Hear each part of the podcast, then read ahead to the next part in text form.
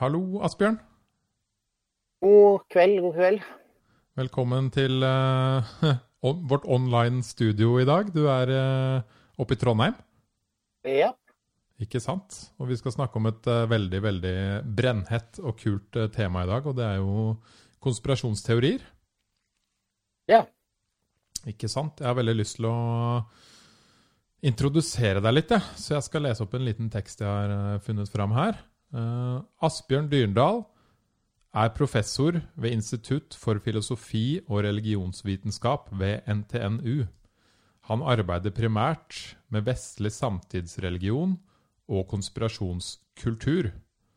Blant hans siste bøker er The Invention of Satanism, Handbook of Conspiracy Theory and Contemporary Religion. Og hva er konspirasjonsteorier?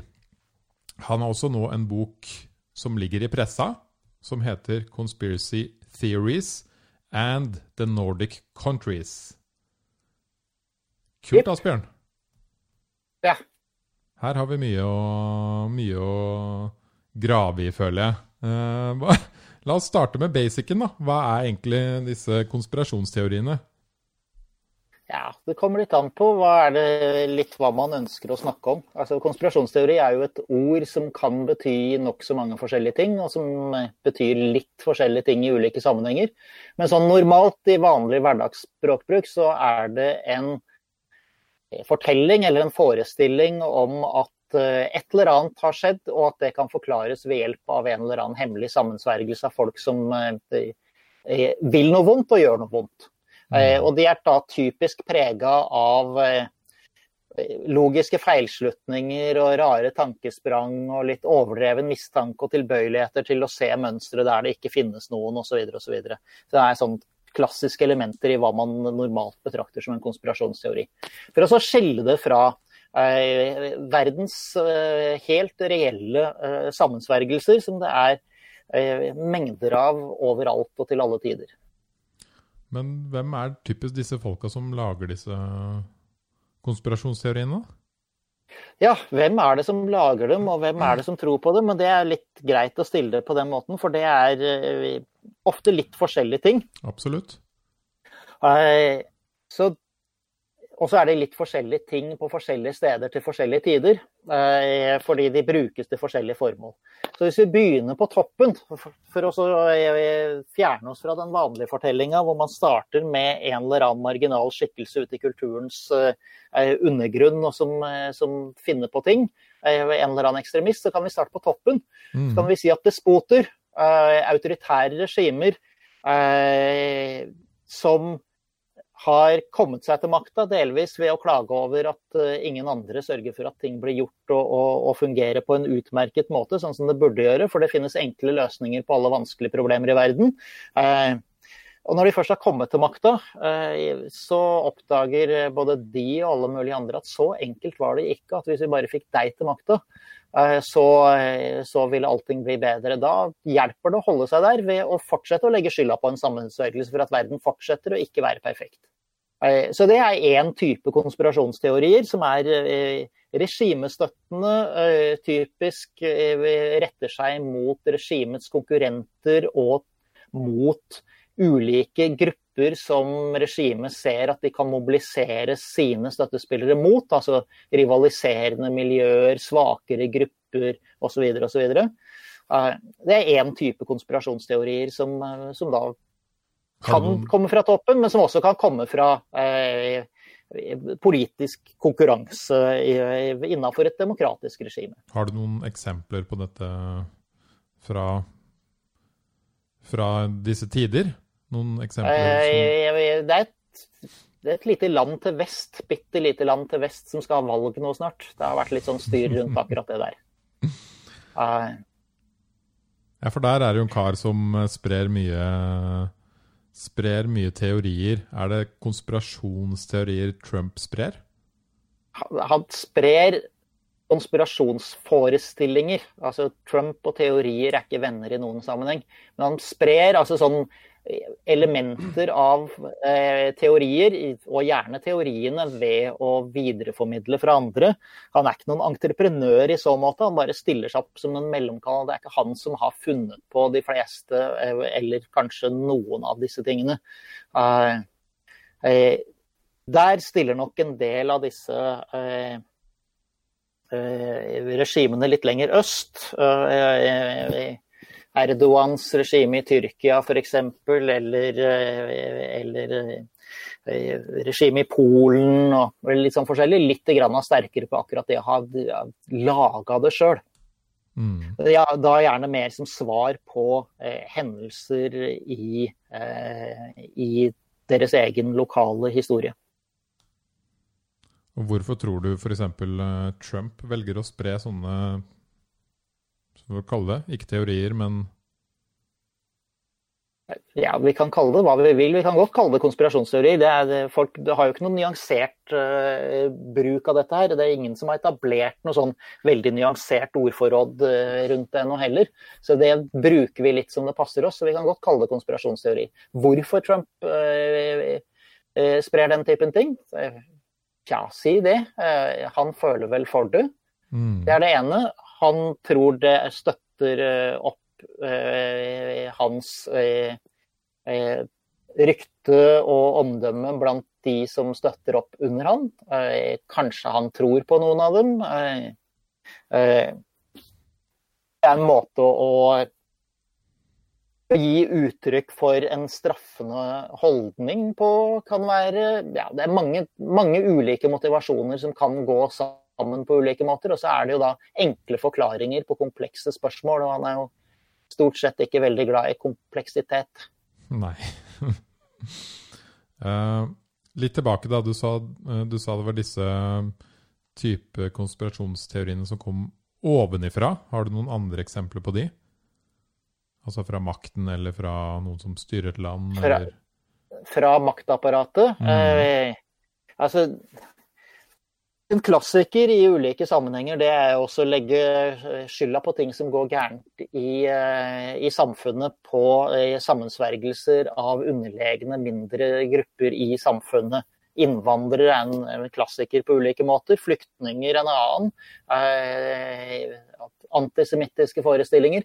Men de må ikke komme fra toppen. ikke sant? Det er jo det er meningsløst å drive og konstruere altfor mange sånne ting helt på egen hånd fra toppen. Det hjelper godt å ta fatt i fordommer, holdninger, konflikter som er reelle i samfunnet fra før. Og så bidra til å identifisere seg med én side i dem, gjerne den som har størst sjanse til å vinne. Og så eh, skru om omdreiningene på den konflikten som er der. Mm.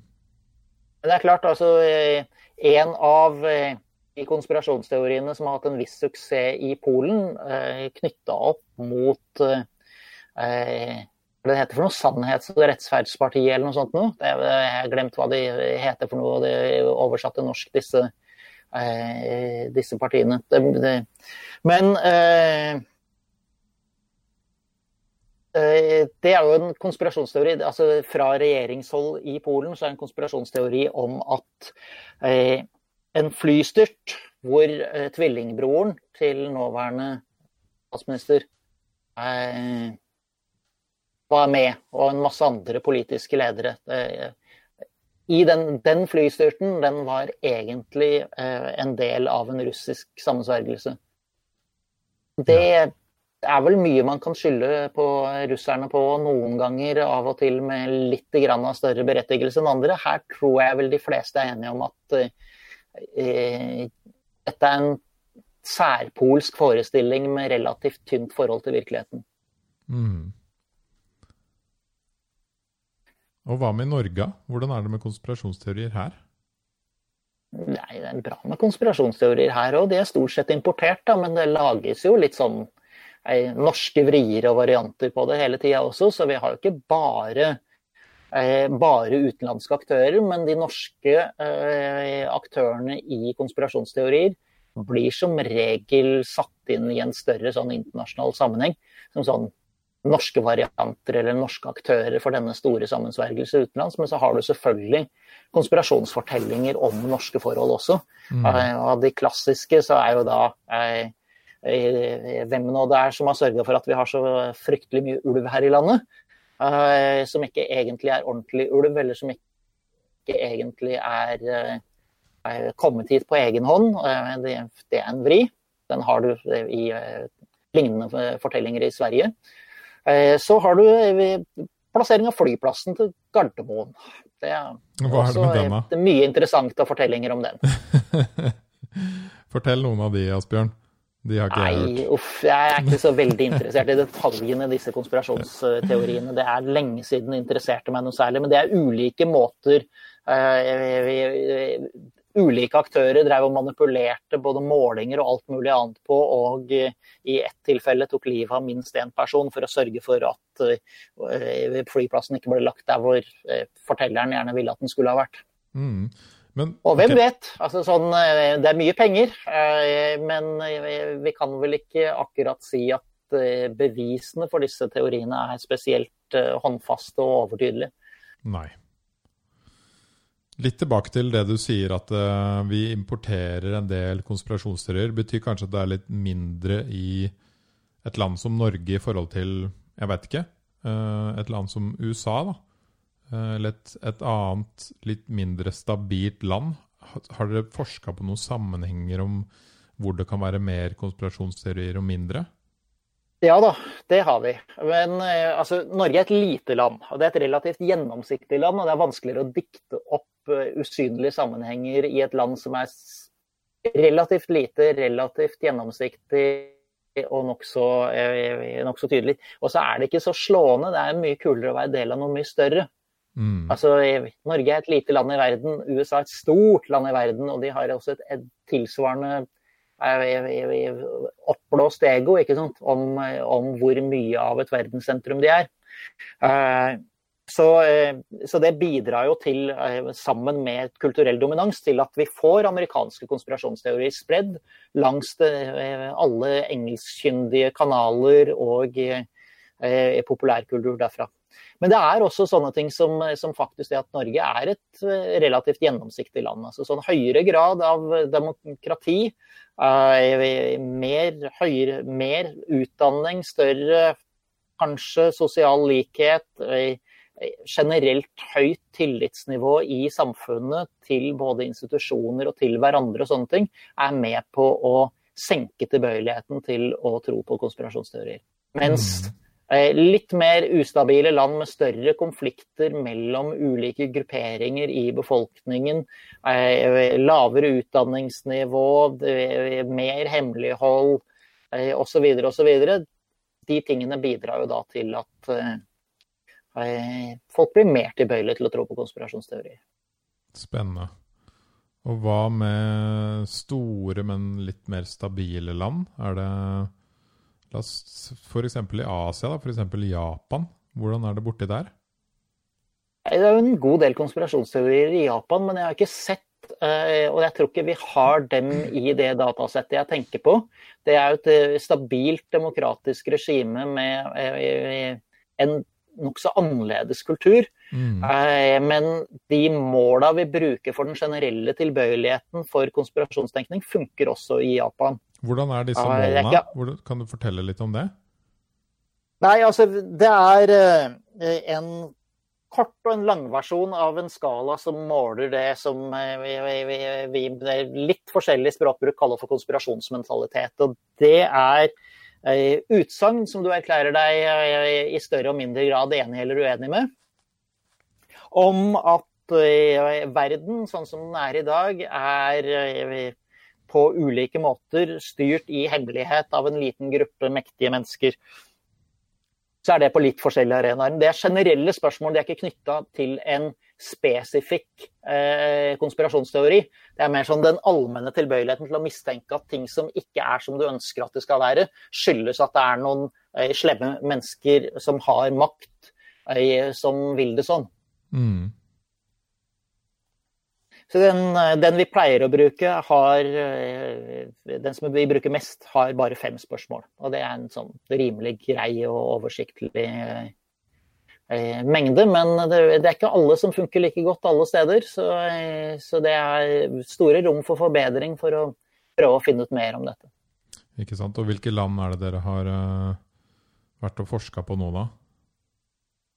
De siste skal vi se de, Den gruppa jeg er med i som har uh, undersøkt akkurat de spørsmåla du stilte opp her nå tidligere, mm. har vel da sett på Og da kan vi begynne med stort sett hele EU. Ja. Eh, USA, Mexico, Argentina eh, tror jeg eh, er med. Eh, Tyrkia eh, og eh, ja, selvfølgelig Norge. Ikke hele EU, forresten. Jeg tror ikke Sverige og Danmark er med. Men, Hvilke land er verst på disse listene? Altså, hvem tror mest på det?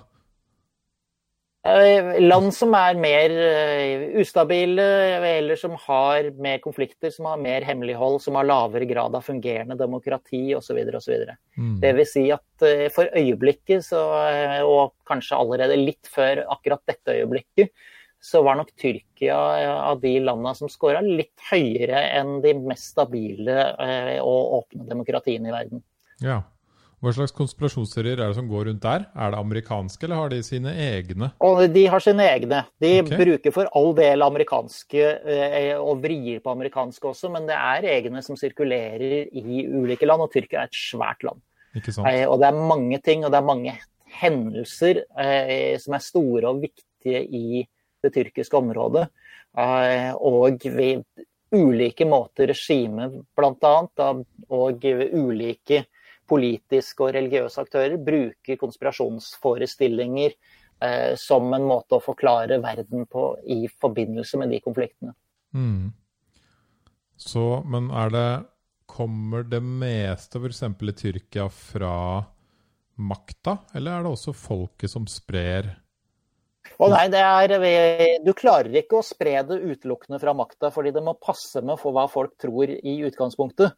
Ja. Men eh, det var en eh, levende og aktiv konspirasjonskultur som involverte eh, elitepolitiske, altså politiske eliter allerede lenge før vi kom til, eh, eh til eh, den nåværende situasjonen. Så dette her er, godt befesta i tyrkisk historie også. Jeg har en søt liten bok om det som jeg leste for akkurat så lenge siden at jeg husker, husker bare at den var god. Stående her, skrevet av en av de andre i dette nettverket mitt. Mm. Men om vi er litt sånn innpå holdt jeg på å si, folk og demogra demo demografi og sånn uh, F.eks. utdanning, da. Har det noe å si på hvor mye man tror på disse konspirasjonsteoriene? Mindre enn universitetslærere skulle ønske seg. Eh, men, men ja, det har det å si. Ja. Og hva med skjønn? Eh, er det forskjell på skjønn? Mm, det er Altså ikke generelt er det ikke noe forskjell på kjønn. Når det Nei. gjelder eh, hvor sterkt folk tror i gjennomsnitt på konspirasjonsteorier, så ser vi ingen forskjell på kjønn. Ikke sant. Eh, men når vi ser på enkelte konkrete konspirasjonsteorier, eh, så ser vi at det er noen som i hvert fall i det minste i noen undersøkelser slår an mer hos menn, og noen som slår an mer hos kvinner. Mm. Uh, og så er spørsmålet da, fordi dette her har da ikke vært noe sånn veldig viktig spørsmål på, i forskninga, når vi får et sånt generelt nivå som er basically helt likt, så, så mister folk interessen. Så er spørsmålet er det noen type konspirasjonsteorier som slår an mer hos, hos menn og, noen mer hos kvinner. Og så, det ser sånn ut. altså vil si at Eh, konspirasjonsteorier som går langs med eh, en linje som vi kaller for sosial dominansorientering. Eh, som er prega av ønsket om etablerte hierarkier i samfunnet hvor det er tydelige verdier, og hvor menn er over kvinner, litt eldre er over de litt yngre osv voksne over barn, eh, menn over kvinner, eh, og typisk da når vi undersøker det i Vest-Europa og USA, hvite over svarte osv., den typen holdninger, eh, så, så, ser vi at de er mer assosiert med, med menn enn kvinner. Hmm. Det vil si at menn scorer gjennomsnittlig høyere på sosial dominansorientering, det er et relativt robust funn, og konspirasjonsteorier som korrelerer sterkt med sosial dominansorientering. Der scorer menn også da naturlig nok høyere. Ja. Og så er det da sannsynligvis sånn at det er noen som, som, mer sånn systematisk er høyere hos, hos, kvinner også. Men det vet jeg ikke om vi har sett nok på til å være helt sikre på hvor det befinner seg. Vi vet bare at samla nivået er likt. Så det må nesten være noe kompensasjon et eller annet sted. Ja. Og hva med folk som er spirituelle? Ja, er spirituelle eller tror på paranormale fenomen og den typen ting. Fordi det å være spirituell betyr at du er en vittig eh, person som kan omgå språket på en levende og interessant måte. Mens det å, eh, å, å, å tro på spiritisme er noe ganske annet. Uh, så det første vil vel ikke ha noen, eh, noen, sammenheng med konspirasjonstenkning den ene eller den andre veien, tenker jeg. Mens det å tro på paranormale fenomen, det å generelt være åpen for en masse ulike kulturelt annerledes uh, ideer, Eh, og omfavne dem vil gjerne bety at du henger i et miljø sammen med andre som er tilbøyelige til å gjøre det. Og begge de tingene er med på å trekke deg i retning av å også tro på konspirasjonsteorier, som er innkoda som en kulturelt litt annerledes og spennende idé hvor du må være åpen for osv. osv. Det er spennende at du sier det, fordi de miljøene jeg ofte har observert at har hivet seg veldig lett på konspirasjonsteorier, det er disse folka vi snakket om nå, da. Uh, ja. Og det er litt mer komplisert enn som så. ikke sant? Selvfølgelig. Altså, det, selvfølgelig. En, en, av, en, av, årsakene til at du ser den sammenhengen, det er fordi Og, det, og, og den henger da delvis også sammen med hvorfor vi ser en, en, sammenheng med utdanning. Tilbøyeligheten din til å tro på konspirasjonsteorier eh, forsterkes eh, ved om du har en tilbøyelighet til å Eh, foretrekke en intuitiv tenkemåte framfor en sånn eh, litt mer analytisk, pedantisk en. Mm. Eh, og det vi prøver å lære opp folk til i høyere utdanning og i utdanningssystemet generelt, det er jo en analytisk tenkemåte. Og jo mer du da kompenserer på ulike måter og venner deg til, for vi bruker alle intuitivt tenkesett i veldig mange sammenhenger, men jo mer du foretrekker den, i ulike måter. Og i alternativkulturen så er det på en måte satt opp. altså sånn Stol på liksom sånn ånden, sjelen, stol på magefølelsen. Stol på følelsene dine. Den typen ting. Jeg har hørt mange si det. Hva sier magefølelsen din, sier de til meg. Ja. Henning, hva er det magefølelsen din sier deg egentlig om den saken her? Jeg er sulten. Nei, det er ja. Ja, men det, altså, den appellen til følelsen og intuisjonen er med på å drive eh, mange typer forestillinger. Og blant dem er konspirasjonsforestillinger. Mm.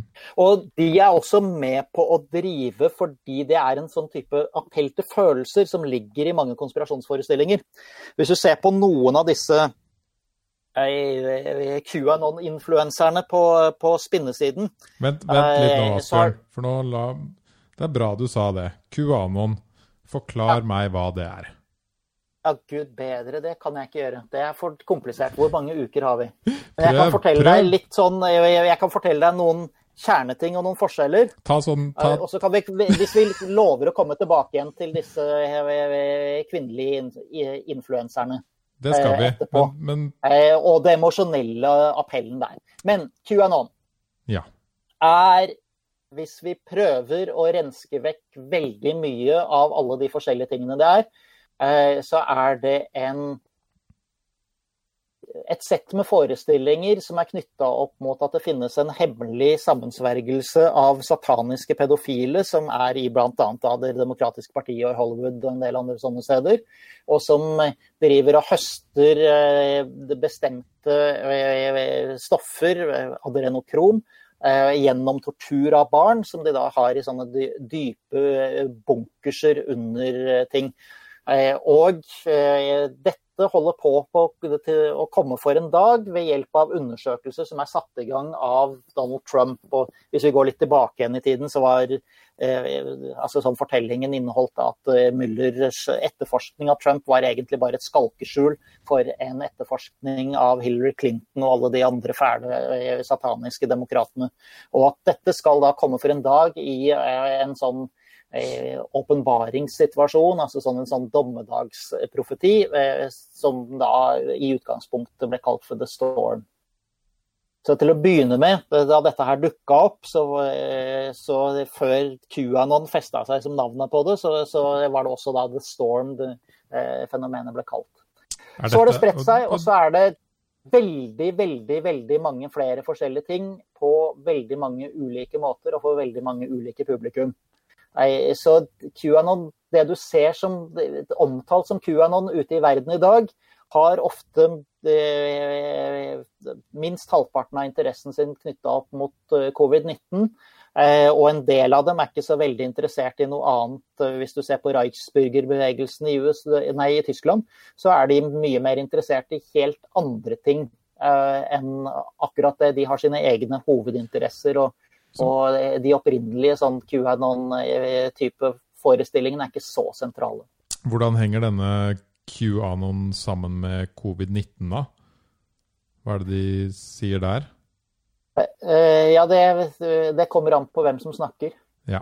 Eh, fordi dette her er jo også blitt eh, identitet på så mange måter. Så hvis du er veldig eh, som mange eh, da er motstander av at eh, noen skal komme og bestemme og si noe om hva du skal gjøre for noe med eh, livet ditt, og for ikke snakke om hva du skal ha foran munnen din eller ikke, og nesa di. Eh, og, og, du er mot vaksiner og litt sånne forskjellige ting, så har det den typen kobling.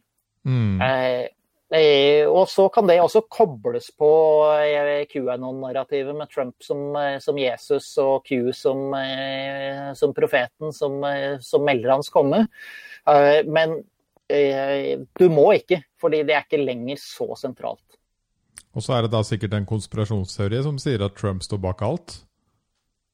Ikke at Trump står bak alt, men at Trump skal, Trump skal frelse, ja. ja. Han skal frelse, ja. Altså, han, han, har en, han, har litt som Egon Olsen i Olsenbanden, han har en plan.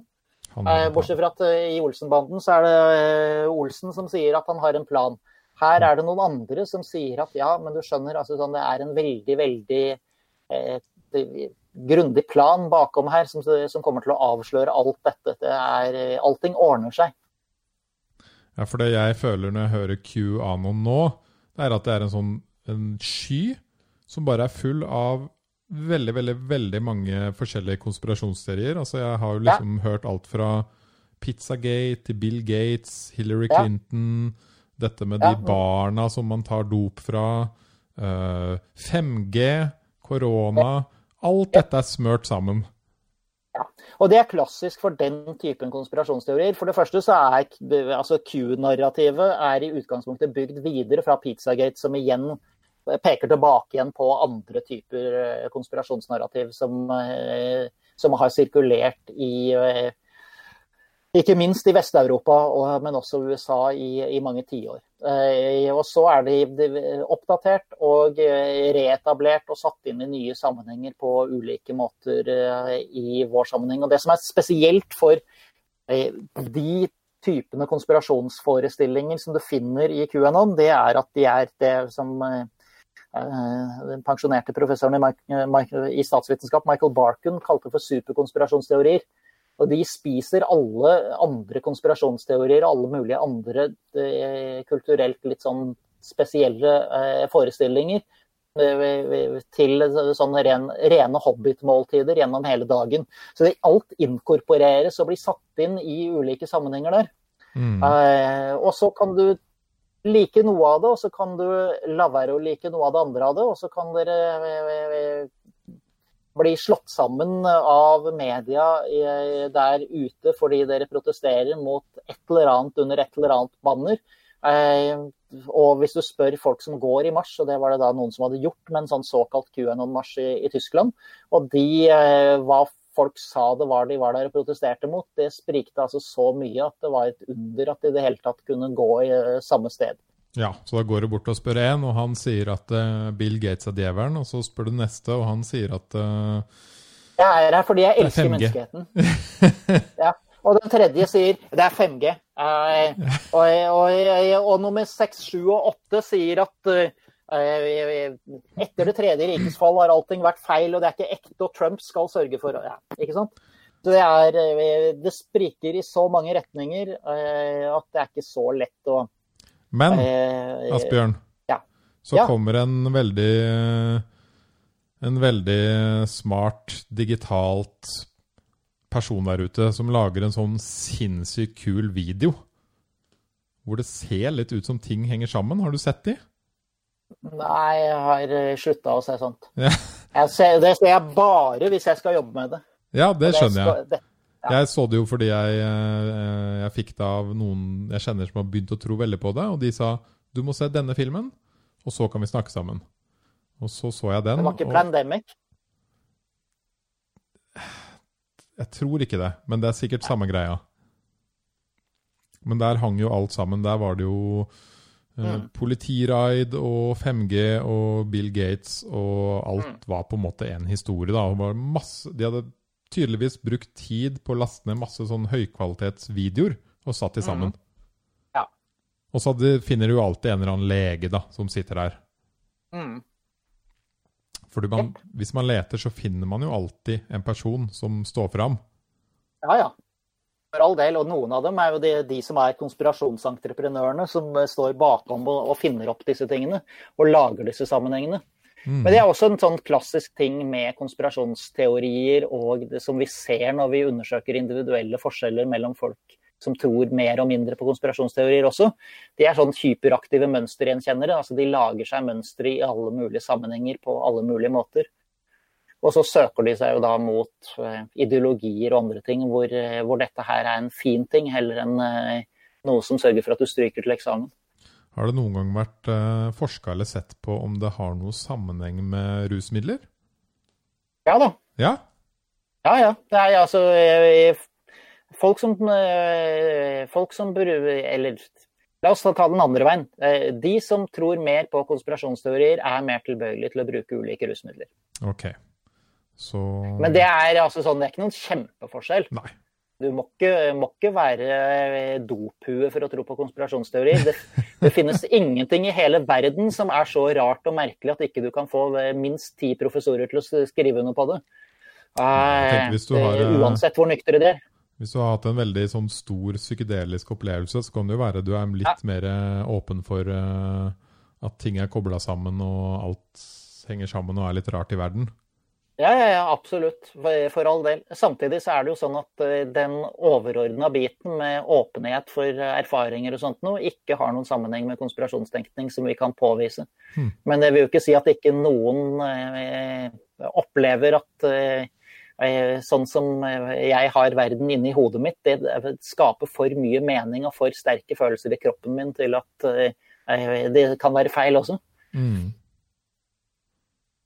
Men vi var litt innpå i stad dette med Du var litt, du begynte å snakke litt om influensere og noe greier. Ja, altså en av de viktige tingene med konspirasjonsteorier, og vi snakka om kjønnsforskjeller og litt sånn forskjeller, det, var, det er appellen til følelser, ikke sant. Mm. Altså ja. Eh, hvorfor den intuitive, den, altså hvorfor vi drives i den typen retning av det, det å Eh, være fokusert på følelsene våre og reagere.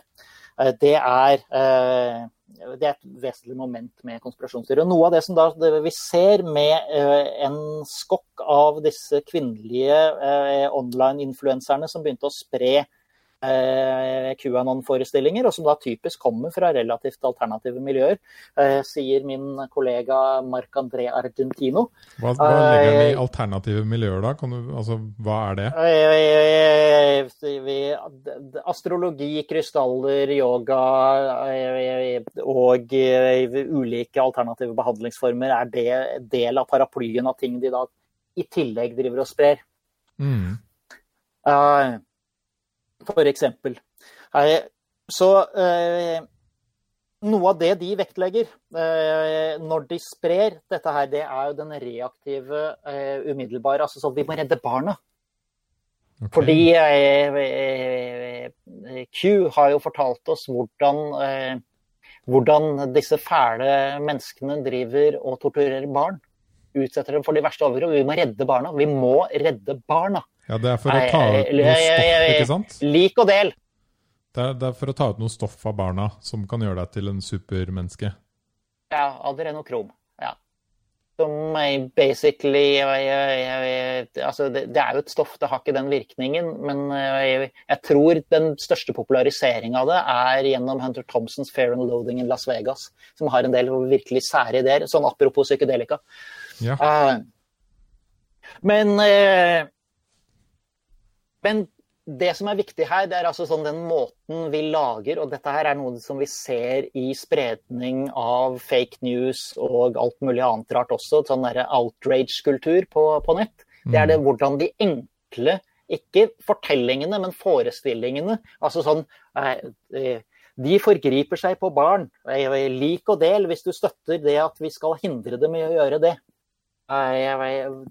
Her kan du se mer om disse tingene. ikke sant? Den typen forestillinger, den typen sånn ut av marsj, for vi må redde barna, er en del av mobiliseringselementet som du kan for all del bruke fra toppen, men som også kan brukes med en viss effekt fra eh, ulike nettverk som allerede er etablerte, og som finner en ny eh, felles interesse. Hmm. Ja, det er veldig interessant hvordan uh hvordan det her henger sammen, og hva slags folk som tror på det, og hva slags grupper og miljøer. Jeg er jo supergod venn med alle yogamiljøene og, og hele den gjengen der. Så nå må jeg gå og ta en liten eh, prat med dem og høre om de faktisk tror på dette her.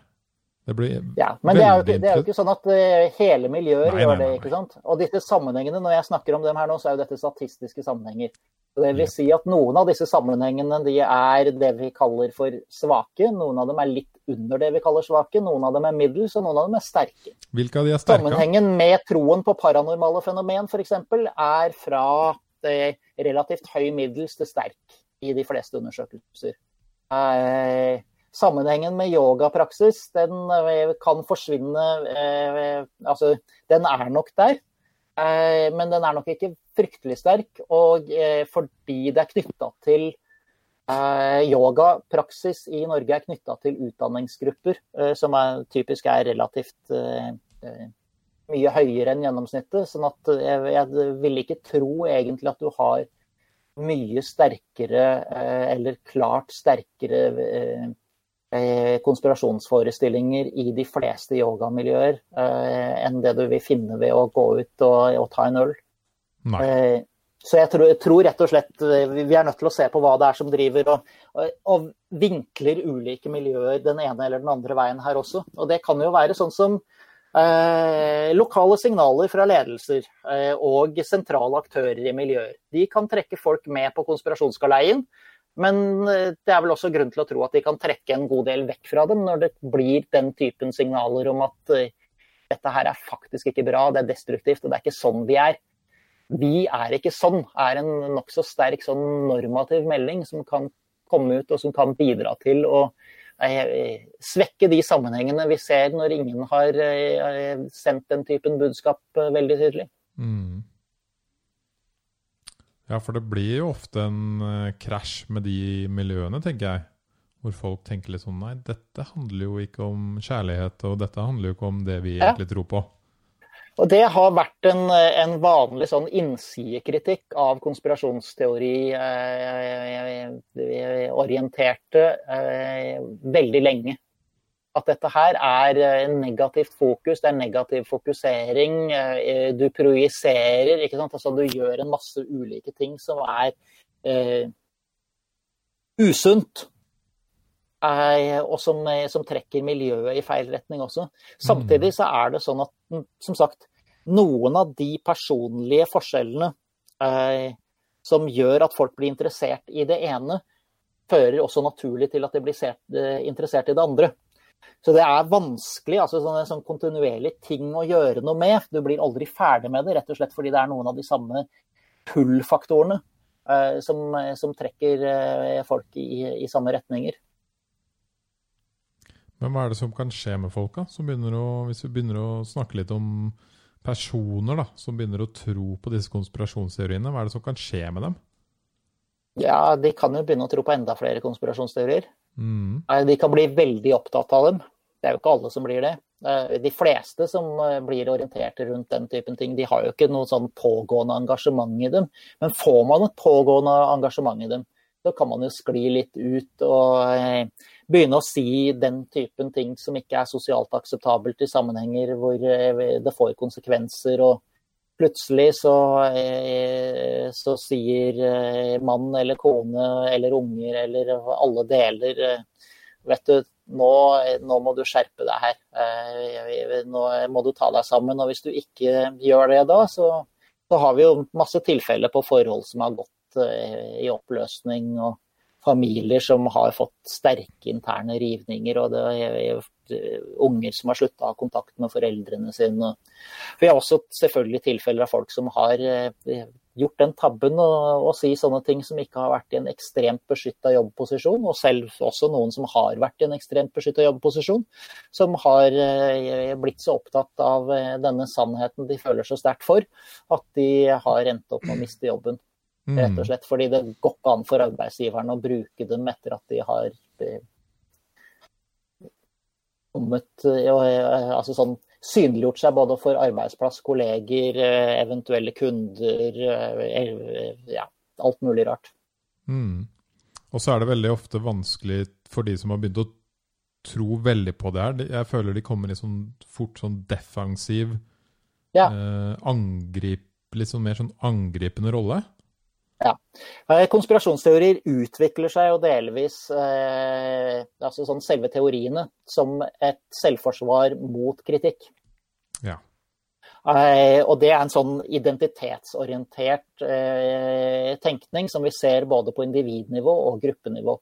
Konspirasjonsteoretisering reduserer kognitiv dissonans. Altså dette ubehaget ved at verden sånn som du føler at den er, og verden sånn som den ser ut til å vise seg å være, eh, skiller seg for sterkt ved, ved hverandre. Og så kan du lage fortellinger rundt som bygger en bro, og som redder dette. Konspirasjonsteoriene er én eh, måte det, altså Teoretiseringen er én måte å redusere den dissonansen på. Og den kan du også bruke på sånn kollektiv motivert tenkning.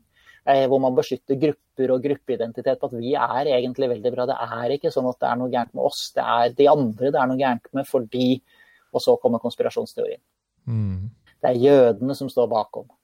Og det er også en ting, da, altså Et av de mest interessante forsøka som har vært gjort eh, i det siste, spør du meg, når det gjelder konsekvenser.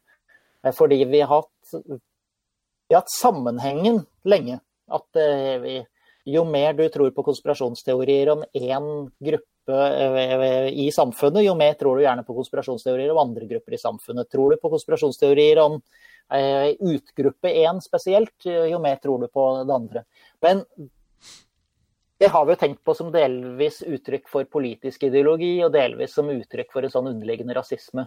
Men i eksperimentell setting så viser det seg at det å bli utsatt for konspirasjonsteorier om en gruppe uten at vi har noen forutgående grunn til å tro at de er spesielt ekstremistiske eller eh, rasistiske, Eh, så øker du ikke bare de tingene som vi forbinder med å tro på den typen konspirasjonsteorier knytta til den ene gruppa du ble utsatt for, men det sprer seg på tvers av grupper over litt tid. Mm. Altså det, er sånn, det, er en sånn, sugende mistillit og usikkerhet og mistanke som, eh, som, brer seg, og som forgifter forholdet mellom ulike grupper i samfunnet. Så grupper som egentlig kunne hatt på en måte en, en god relasjon fra før, kan bli ødelagt da, av eh, Eller det kan spres mye mistillit og ubehag. Ja, altså, konspirasjonsteorier er én sånn kanal. Det er mange sånne kanaler, men konspirasjonsteorier er én av dem. Og det, de dukker jo gjerne opp sammen med de andre mm. uh, i virkeligheten. Uh, dette var jo bare et kontrollert forsøk. Ja. Hva er på en måte noen av de største eksemplene som vi vet om uh, hvor konspirasjonsteorier har ført til noen ordentlige konsekvenser? Uh, ja, altså Én ting, konspirasjonsteorier opptrer ikke i et vakuum. At det er del av ulike konflikter som konspirasjonsteoriene er med på å uttrykke og kan bidra til å forsterke. Ja. Uh, så kan vi uh, snakke om eh, massakren i Rwanda, vi kan snakke om Det tredje riket, vi kan snakke om Stalins utrenskninger. Ja, det er noen, noen sånne ting, ikke sant? Altså folkemordsorientert type handlinger. Og enorme politiske forfølgelser. altså Noe som ligner litt mer systematisk heksejakt enn at du blir kritisert på Twitter. Mm. Uh, hva med unge folk? Har man sett noe som på en måte unge Den moderne ungdommen i dag har blitt påvirka av PC-en sin, sitter på PC-en mm -hmm. og endt opp med å gjøre noe gærent? Ja, men altså Som en av flere faktorer, selvfølgelig, som vanlig. Ja. Men ja, altså vi ser jo folk som blir radikalisert online, eh, og at noe av innholdet som er med på å radikalisere dem, er konspirasjonsteorier, og av og til helt urelaterte konspirasjonsteorier. Mm. Og så er det sånn de som jeg kjenner, da, som tror veldig på La oss si disse QAnon og Pizzagate og dette med Bill Gates og korona og 5G og hele pakka. Mm. Uh, når jeg spør dem om noe bevis, mm. så har de Ingenting. Da kommer den da med 'stol på magefølelsen. Så sier jeg det. Ja, eller du får her får en liste som er lang som et vondt år, med videoer på YouTube du burde se. Ja. Og så får man av og til noen sånn forskningslignende rapporter som mm. 800 forskere har skrevet under på. Ja, er, da tror jeg nesten nøyaktig jeg vet hvilken du tenker på, til og med. Eh, jeg har den et eller annet sted i biblioteket mitt her. Ja. Har du et sånn konspirasjonsteoribibliotek? Eh, ja, jeg har eh, både Jeg har nokså mange fordi jeg har hatt dem på ulike datamaskiner, men jeg har jo noen, noen meter med konspirasjonsteorilitteratur, ja. Både mm. Eh, fra, som kildemateriale og forskning. Men jeg skal fortsette litt med den tråden jeg var inne på.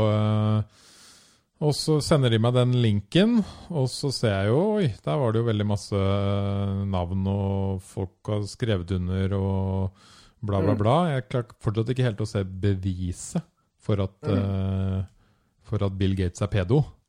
Uh, eller at han har laget vaksiner for å eh, Eller spredd sykdom for å kunne selge vaksiner osv. Ja. Mm. Nei. Men hva Og da blir de veldig defensive, og så sier de noe kanskje litt sånn uh, uh, de, de, ser litt ned på meg, da, som ikke er mm. åpen for det her. Og så slutter mm -hmm. de samtalen på en måte som virker som at jeg er den dumme. Ja, ja. Ikke sant? Helt, helt normalt. Helt normalt.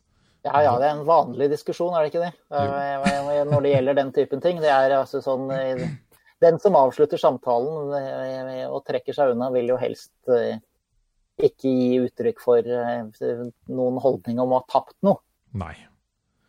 Men det jeg egentlig lurer på, Asbjørn, er hva er det man egentlig burde si hvordan kan man egentlig snakke med disse folka som tror veldig på det?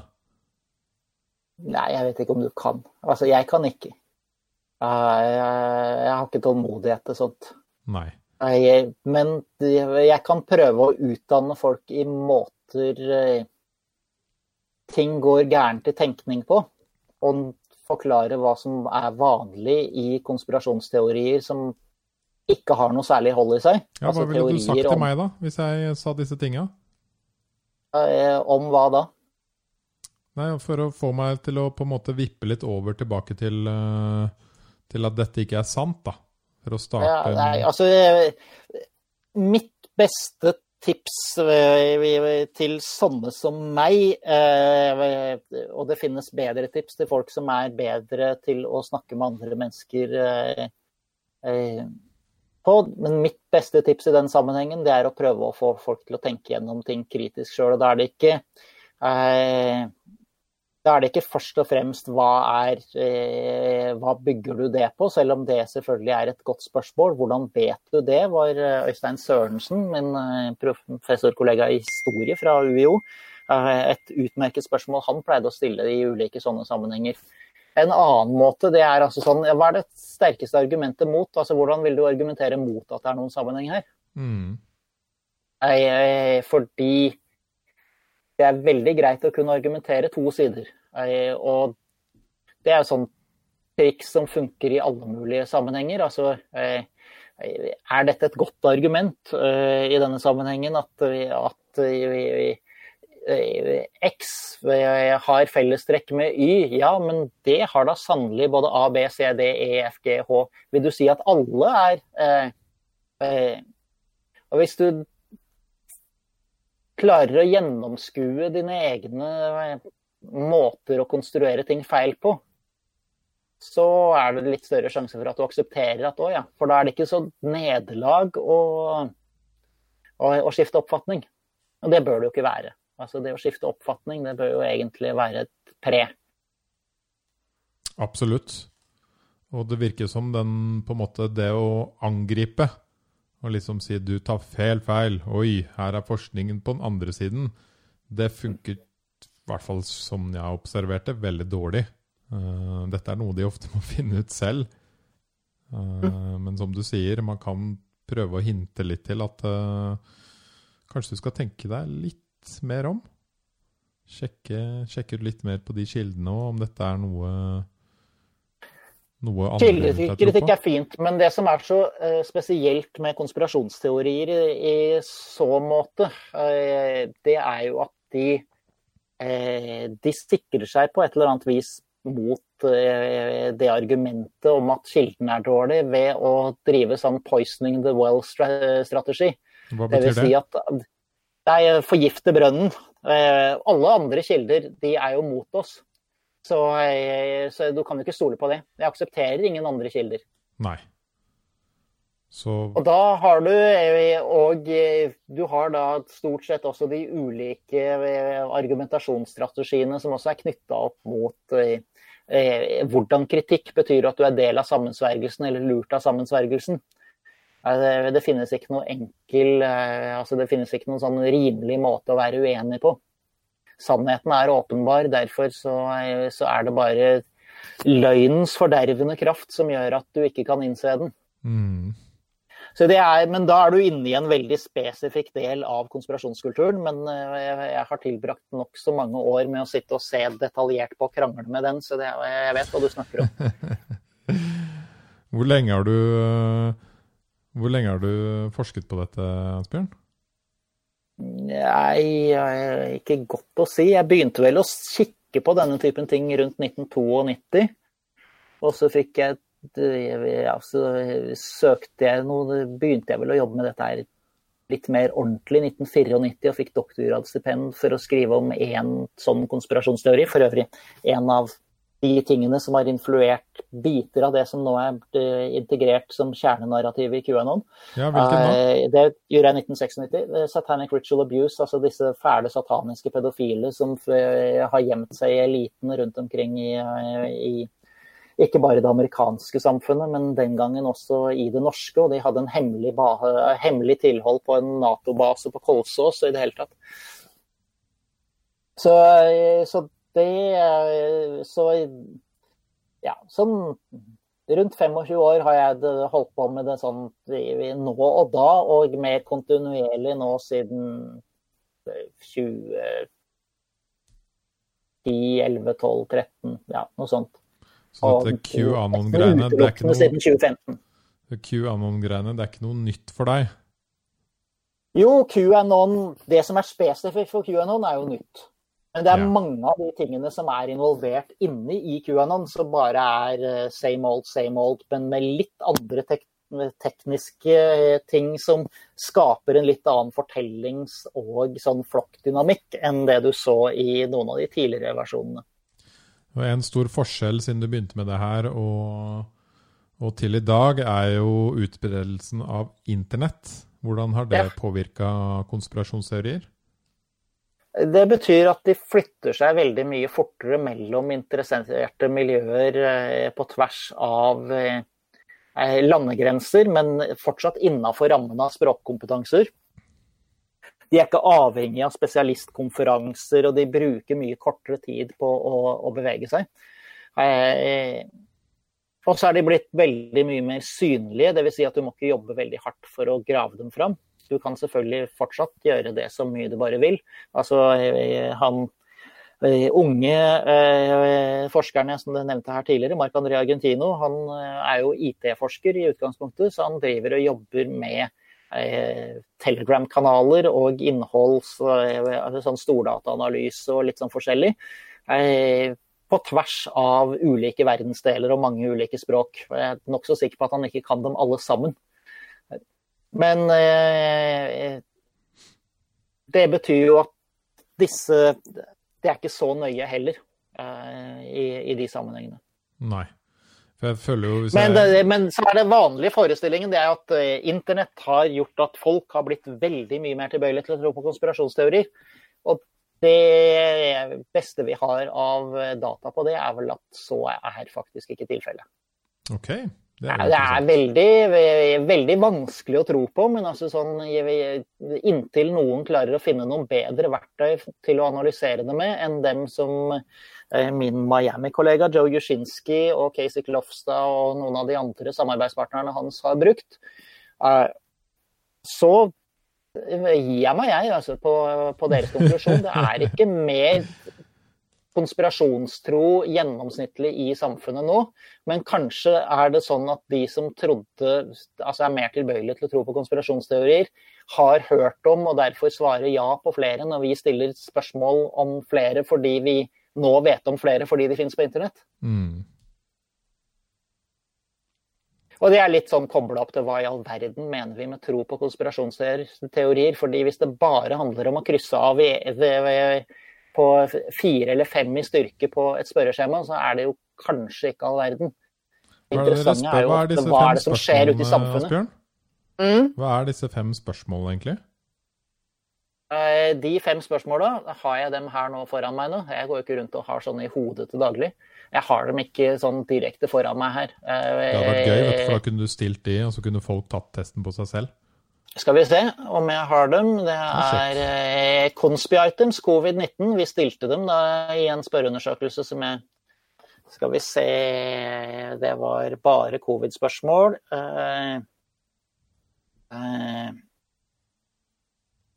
det var bare covid-spørsmål, ikke, eh, ikke skalaen. Det er bare å titte litt, så kan jeg ta meg en sipp av det vannet her. Ja da, jeg gjør det. Jeg har det. Fordi jeg... før, uh, før neste spørsmål. Jepp. Skal vi se om jeg kan finne det. Da må jeg bare inn i e-posten min, fordi jeg hadde jo Jeg sendte det jo oversatt til dem. Jeg har dem jo i noen sånn spørreskjemagreier her også, men jeg har ikke lasta ned alt av, eh, av sånn kodebøker og sånt på Jo, det har jeg jo. Jeg har dem jo i i kodeboka til den store undersøkelsen. Kanskje litt lettere enn å drive og leite i ting, vet som uh, når det ligger i så mange papirer og arkiver og mailer og sånn. Det er ikke alltid lett. Ja. Kodebok norsk. 12. mai 2017. Uh, så nå må alle få fram uh, penn og papir.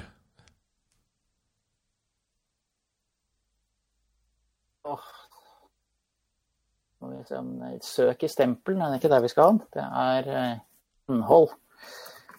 Konspir. Finner ingen treff. Jo, det gjør du. Come on. Come on. Sånn, ja. Hvor sannsynlig er påstanden? Eh, det skjer mange viktige ting i verden som vanlige borgere ikke blir informert om. Dette skal man da svare på fra én til fem, ikke sant? I dette tilfellet så tror jeg vi hadde én til ti. Eh, fordi det er internasjonal bruk, og ikke min personlige. Ok. Fra helt usannsynlig til nesten helt sikkert. Eh, så første spørsmålet. Det skjer mange ting, viktige ting i verden som vanlige borgere ikke blir informert om. Eh, to. Politikere forteller ikke de virkelige motivene bak beslutningene sine. Tre. Myndighetene overvåker alle borgerne. Ja. Nei, vent litt. Her, her, er den riktige formuleringen. Vet du. Det skjer mange svært viktige ting i verden som vanlige borgere ikke blir informert om. Ja, det var nummer én igjen? Nummer én, ja. ja. Politikere eh, forteller oss vanligvis ikke de virkelige motivene bak beslutningene sine. Okay. Tre, statlige myndigheter overvåker alle borgerne. Ja. Fire, hendelser som overfladisk sett ikke ser ut til å ha noen forbindelse, er ofte et resultat av hemmelige aktiviteter. Mm -hmm. Og fem, finnes hemmelige organisasjoner som har meget sterk innflytelse på politiske beslutninger. Ja. Og så er det sånn at dette her er det underliggende eh, Det er det som ligger under eh, eh, tenkesettet bak konspirasjonsteorier. Ikke eh, konspirasjonstro spesifikt. Og eh, det å være i stand til å tenke konspiratorisk, eh, konspirasjonsteoretisk, det er, det er viktig. Fordi Hvis ikke vi er i stand til å forestille oss at folk eh, gjør eh, rare og slemme ting eh, bak vår rygg, så er det ikke sikkert vi er innmari effektive, verken politiske aktører eller samfunnsborgere eller medarbeidere eller andre ting. Vi må bare ikke være for eh, opptatt av det. Så noen si fordi... grad av konspirasjonstenkning er nødvendig å ha. Det er bra du og, sier, Asbjørn. Mm? Ja, det er bra du sier, for jeg må jo si de første spørsmålene, der ligger jeg jo på sånn fem-seks. Og så de to neste spørsmålene, der faller jeg litt ned på sånn to-tre. Og så havner jeg på sånn fire igjen, da, hvis du går til ti.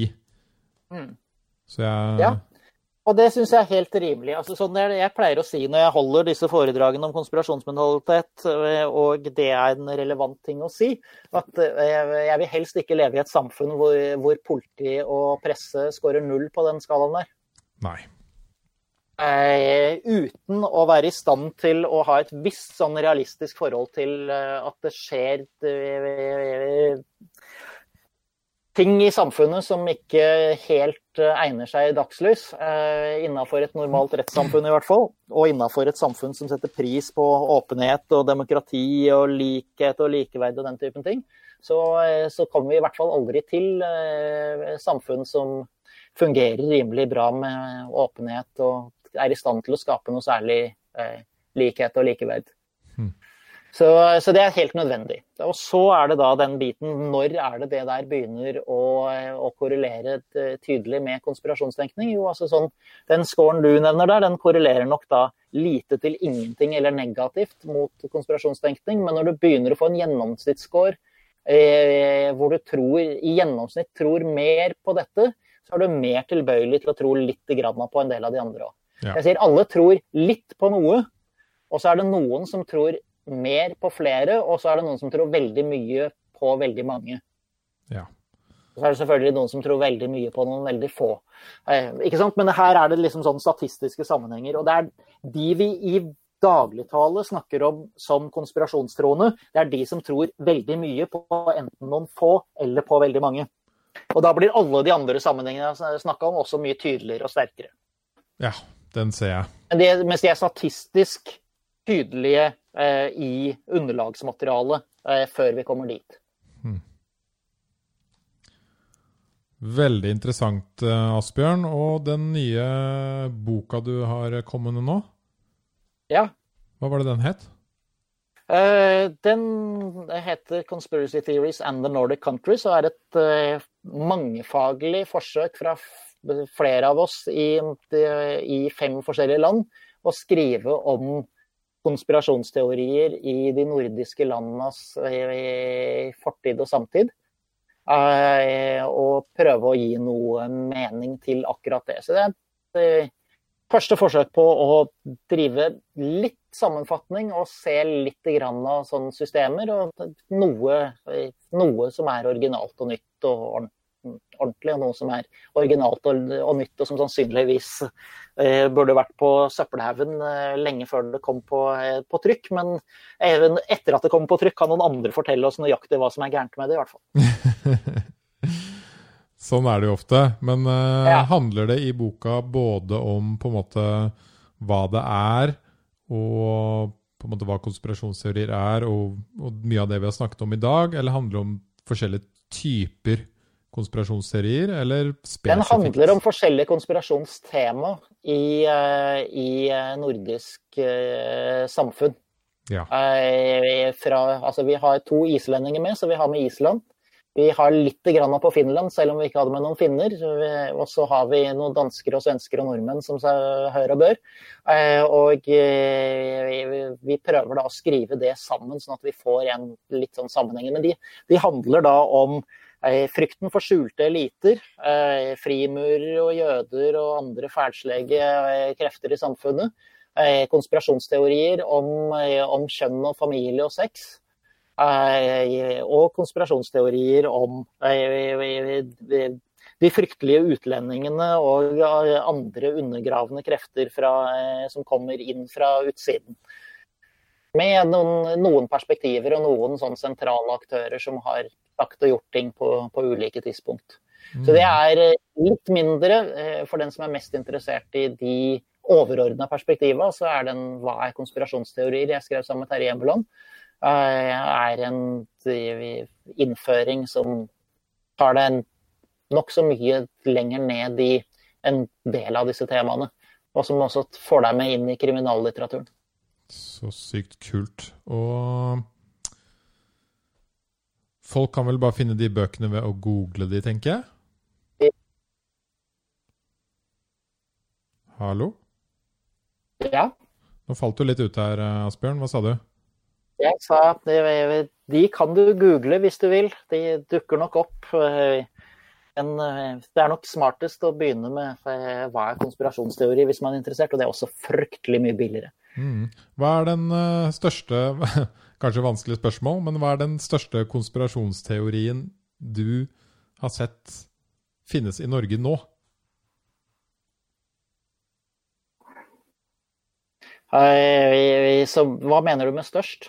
Som favner flest. Favner mest folk, ja. Hvem, er det mest folk tror på? Det, det, det, som har størst oppslutning, det veit jeg ikke. Rett og slett fordi vi har ikke noe sånn øyeblikksbilde hvor vi har eh, undersøkt eh, et eh, utvalg av befolkninga som gjør at vi, vi, kan være sikre på det. Men jeg vil gjette på at i Norge så er det konspirasjonsteorier knytta til klimaendring. Ja. Med, kanskje med sånn konspirasjonsteorier om islam på en annen plass. Jeg er litt usikker, men, men, men det er sånn gjetning ut ifra beslekta undersøkelser som da gjerne Når vi lager modeller, så ville det, korrelasjonen med konspirasjonsteori der vært høy. Ja. Og et siste spørsmål før vi skal eh, gå og spise middag. Eh, hva sier du til en kar på gata som har tatovert QAnon på hånda? Ingenting. Jeg bare går stille og rolig og,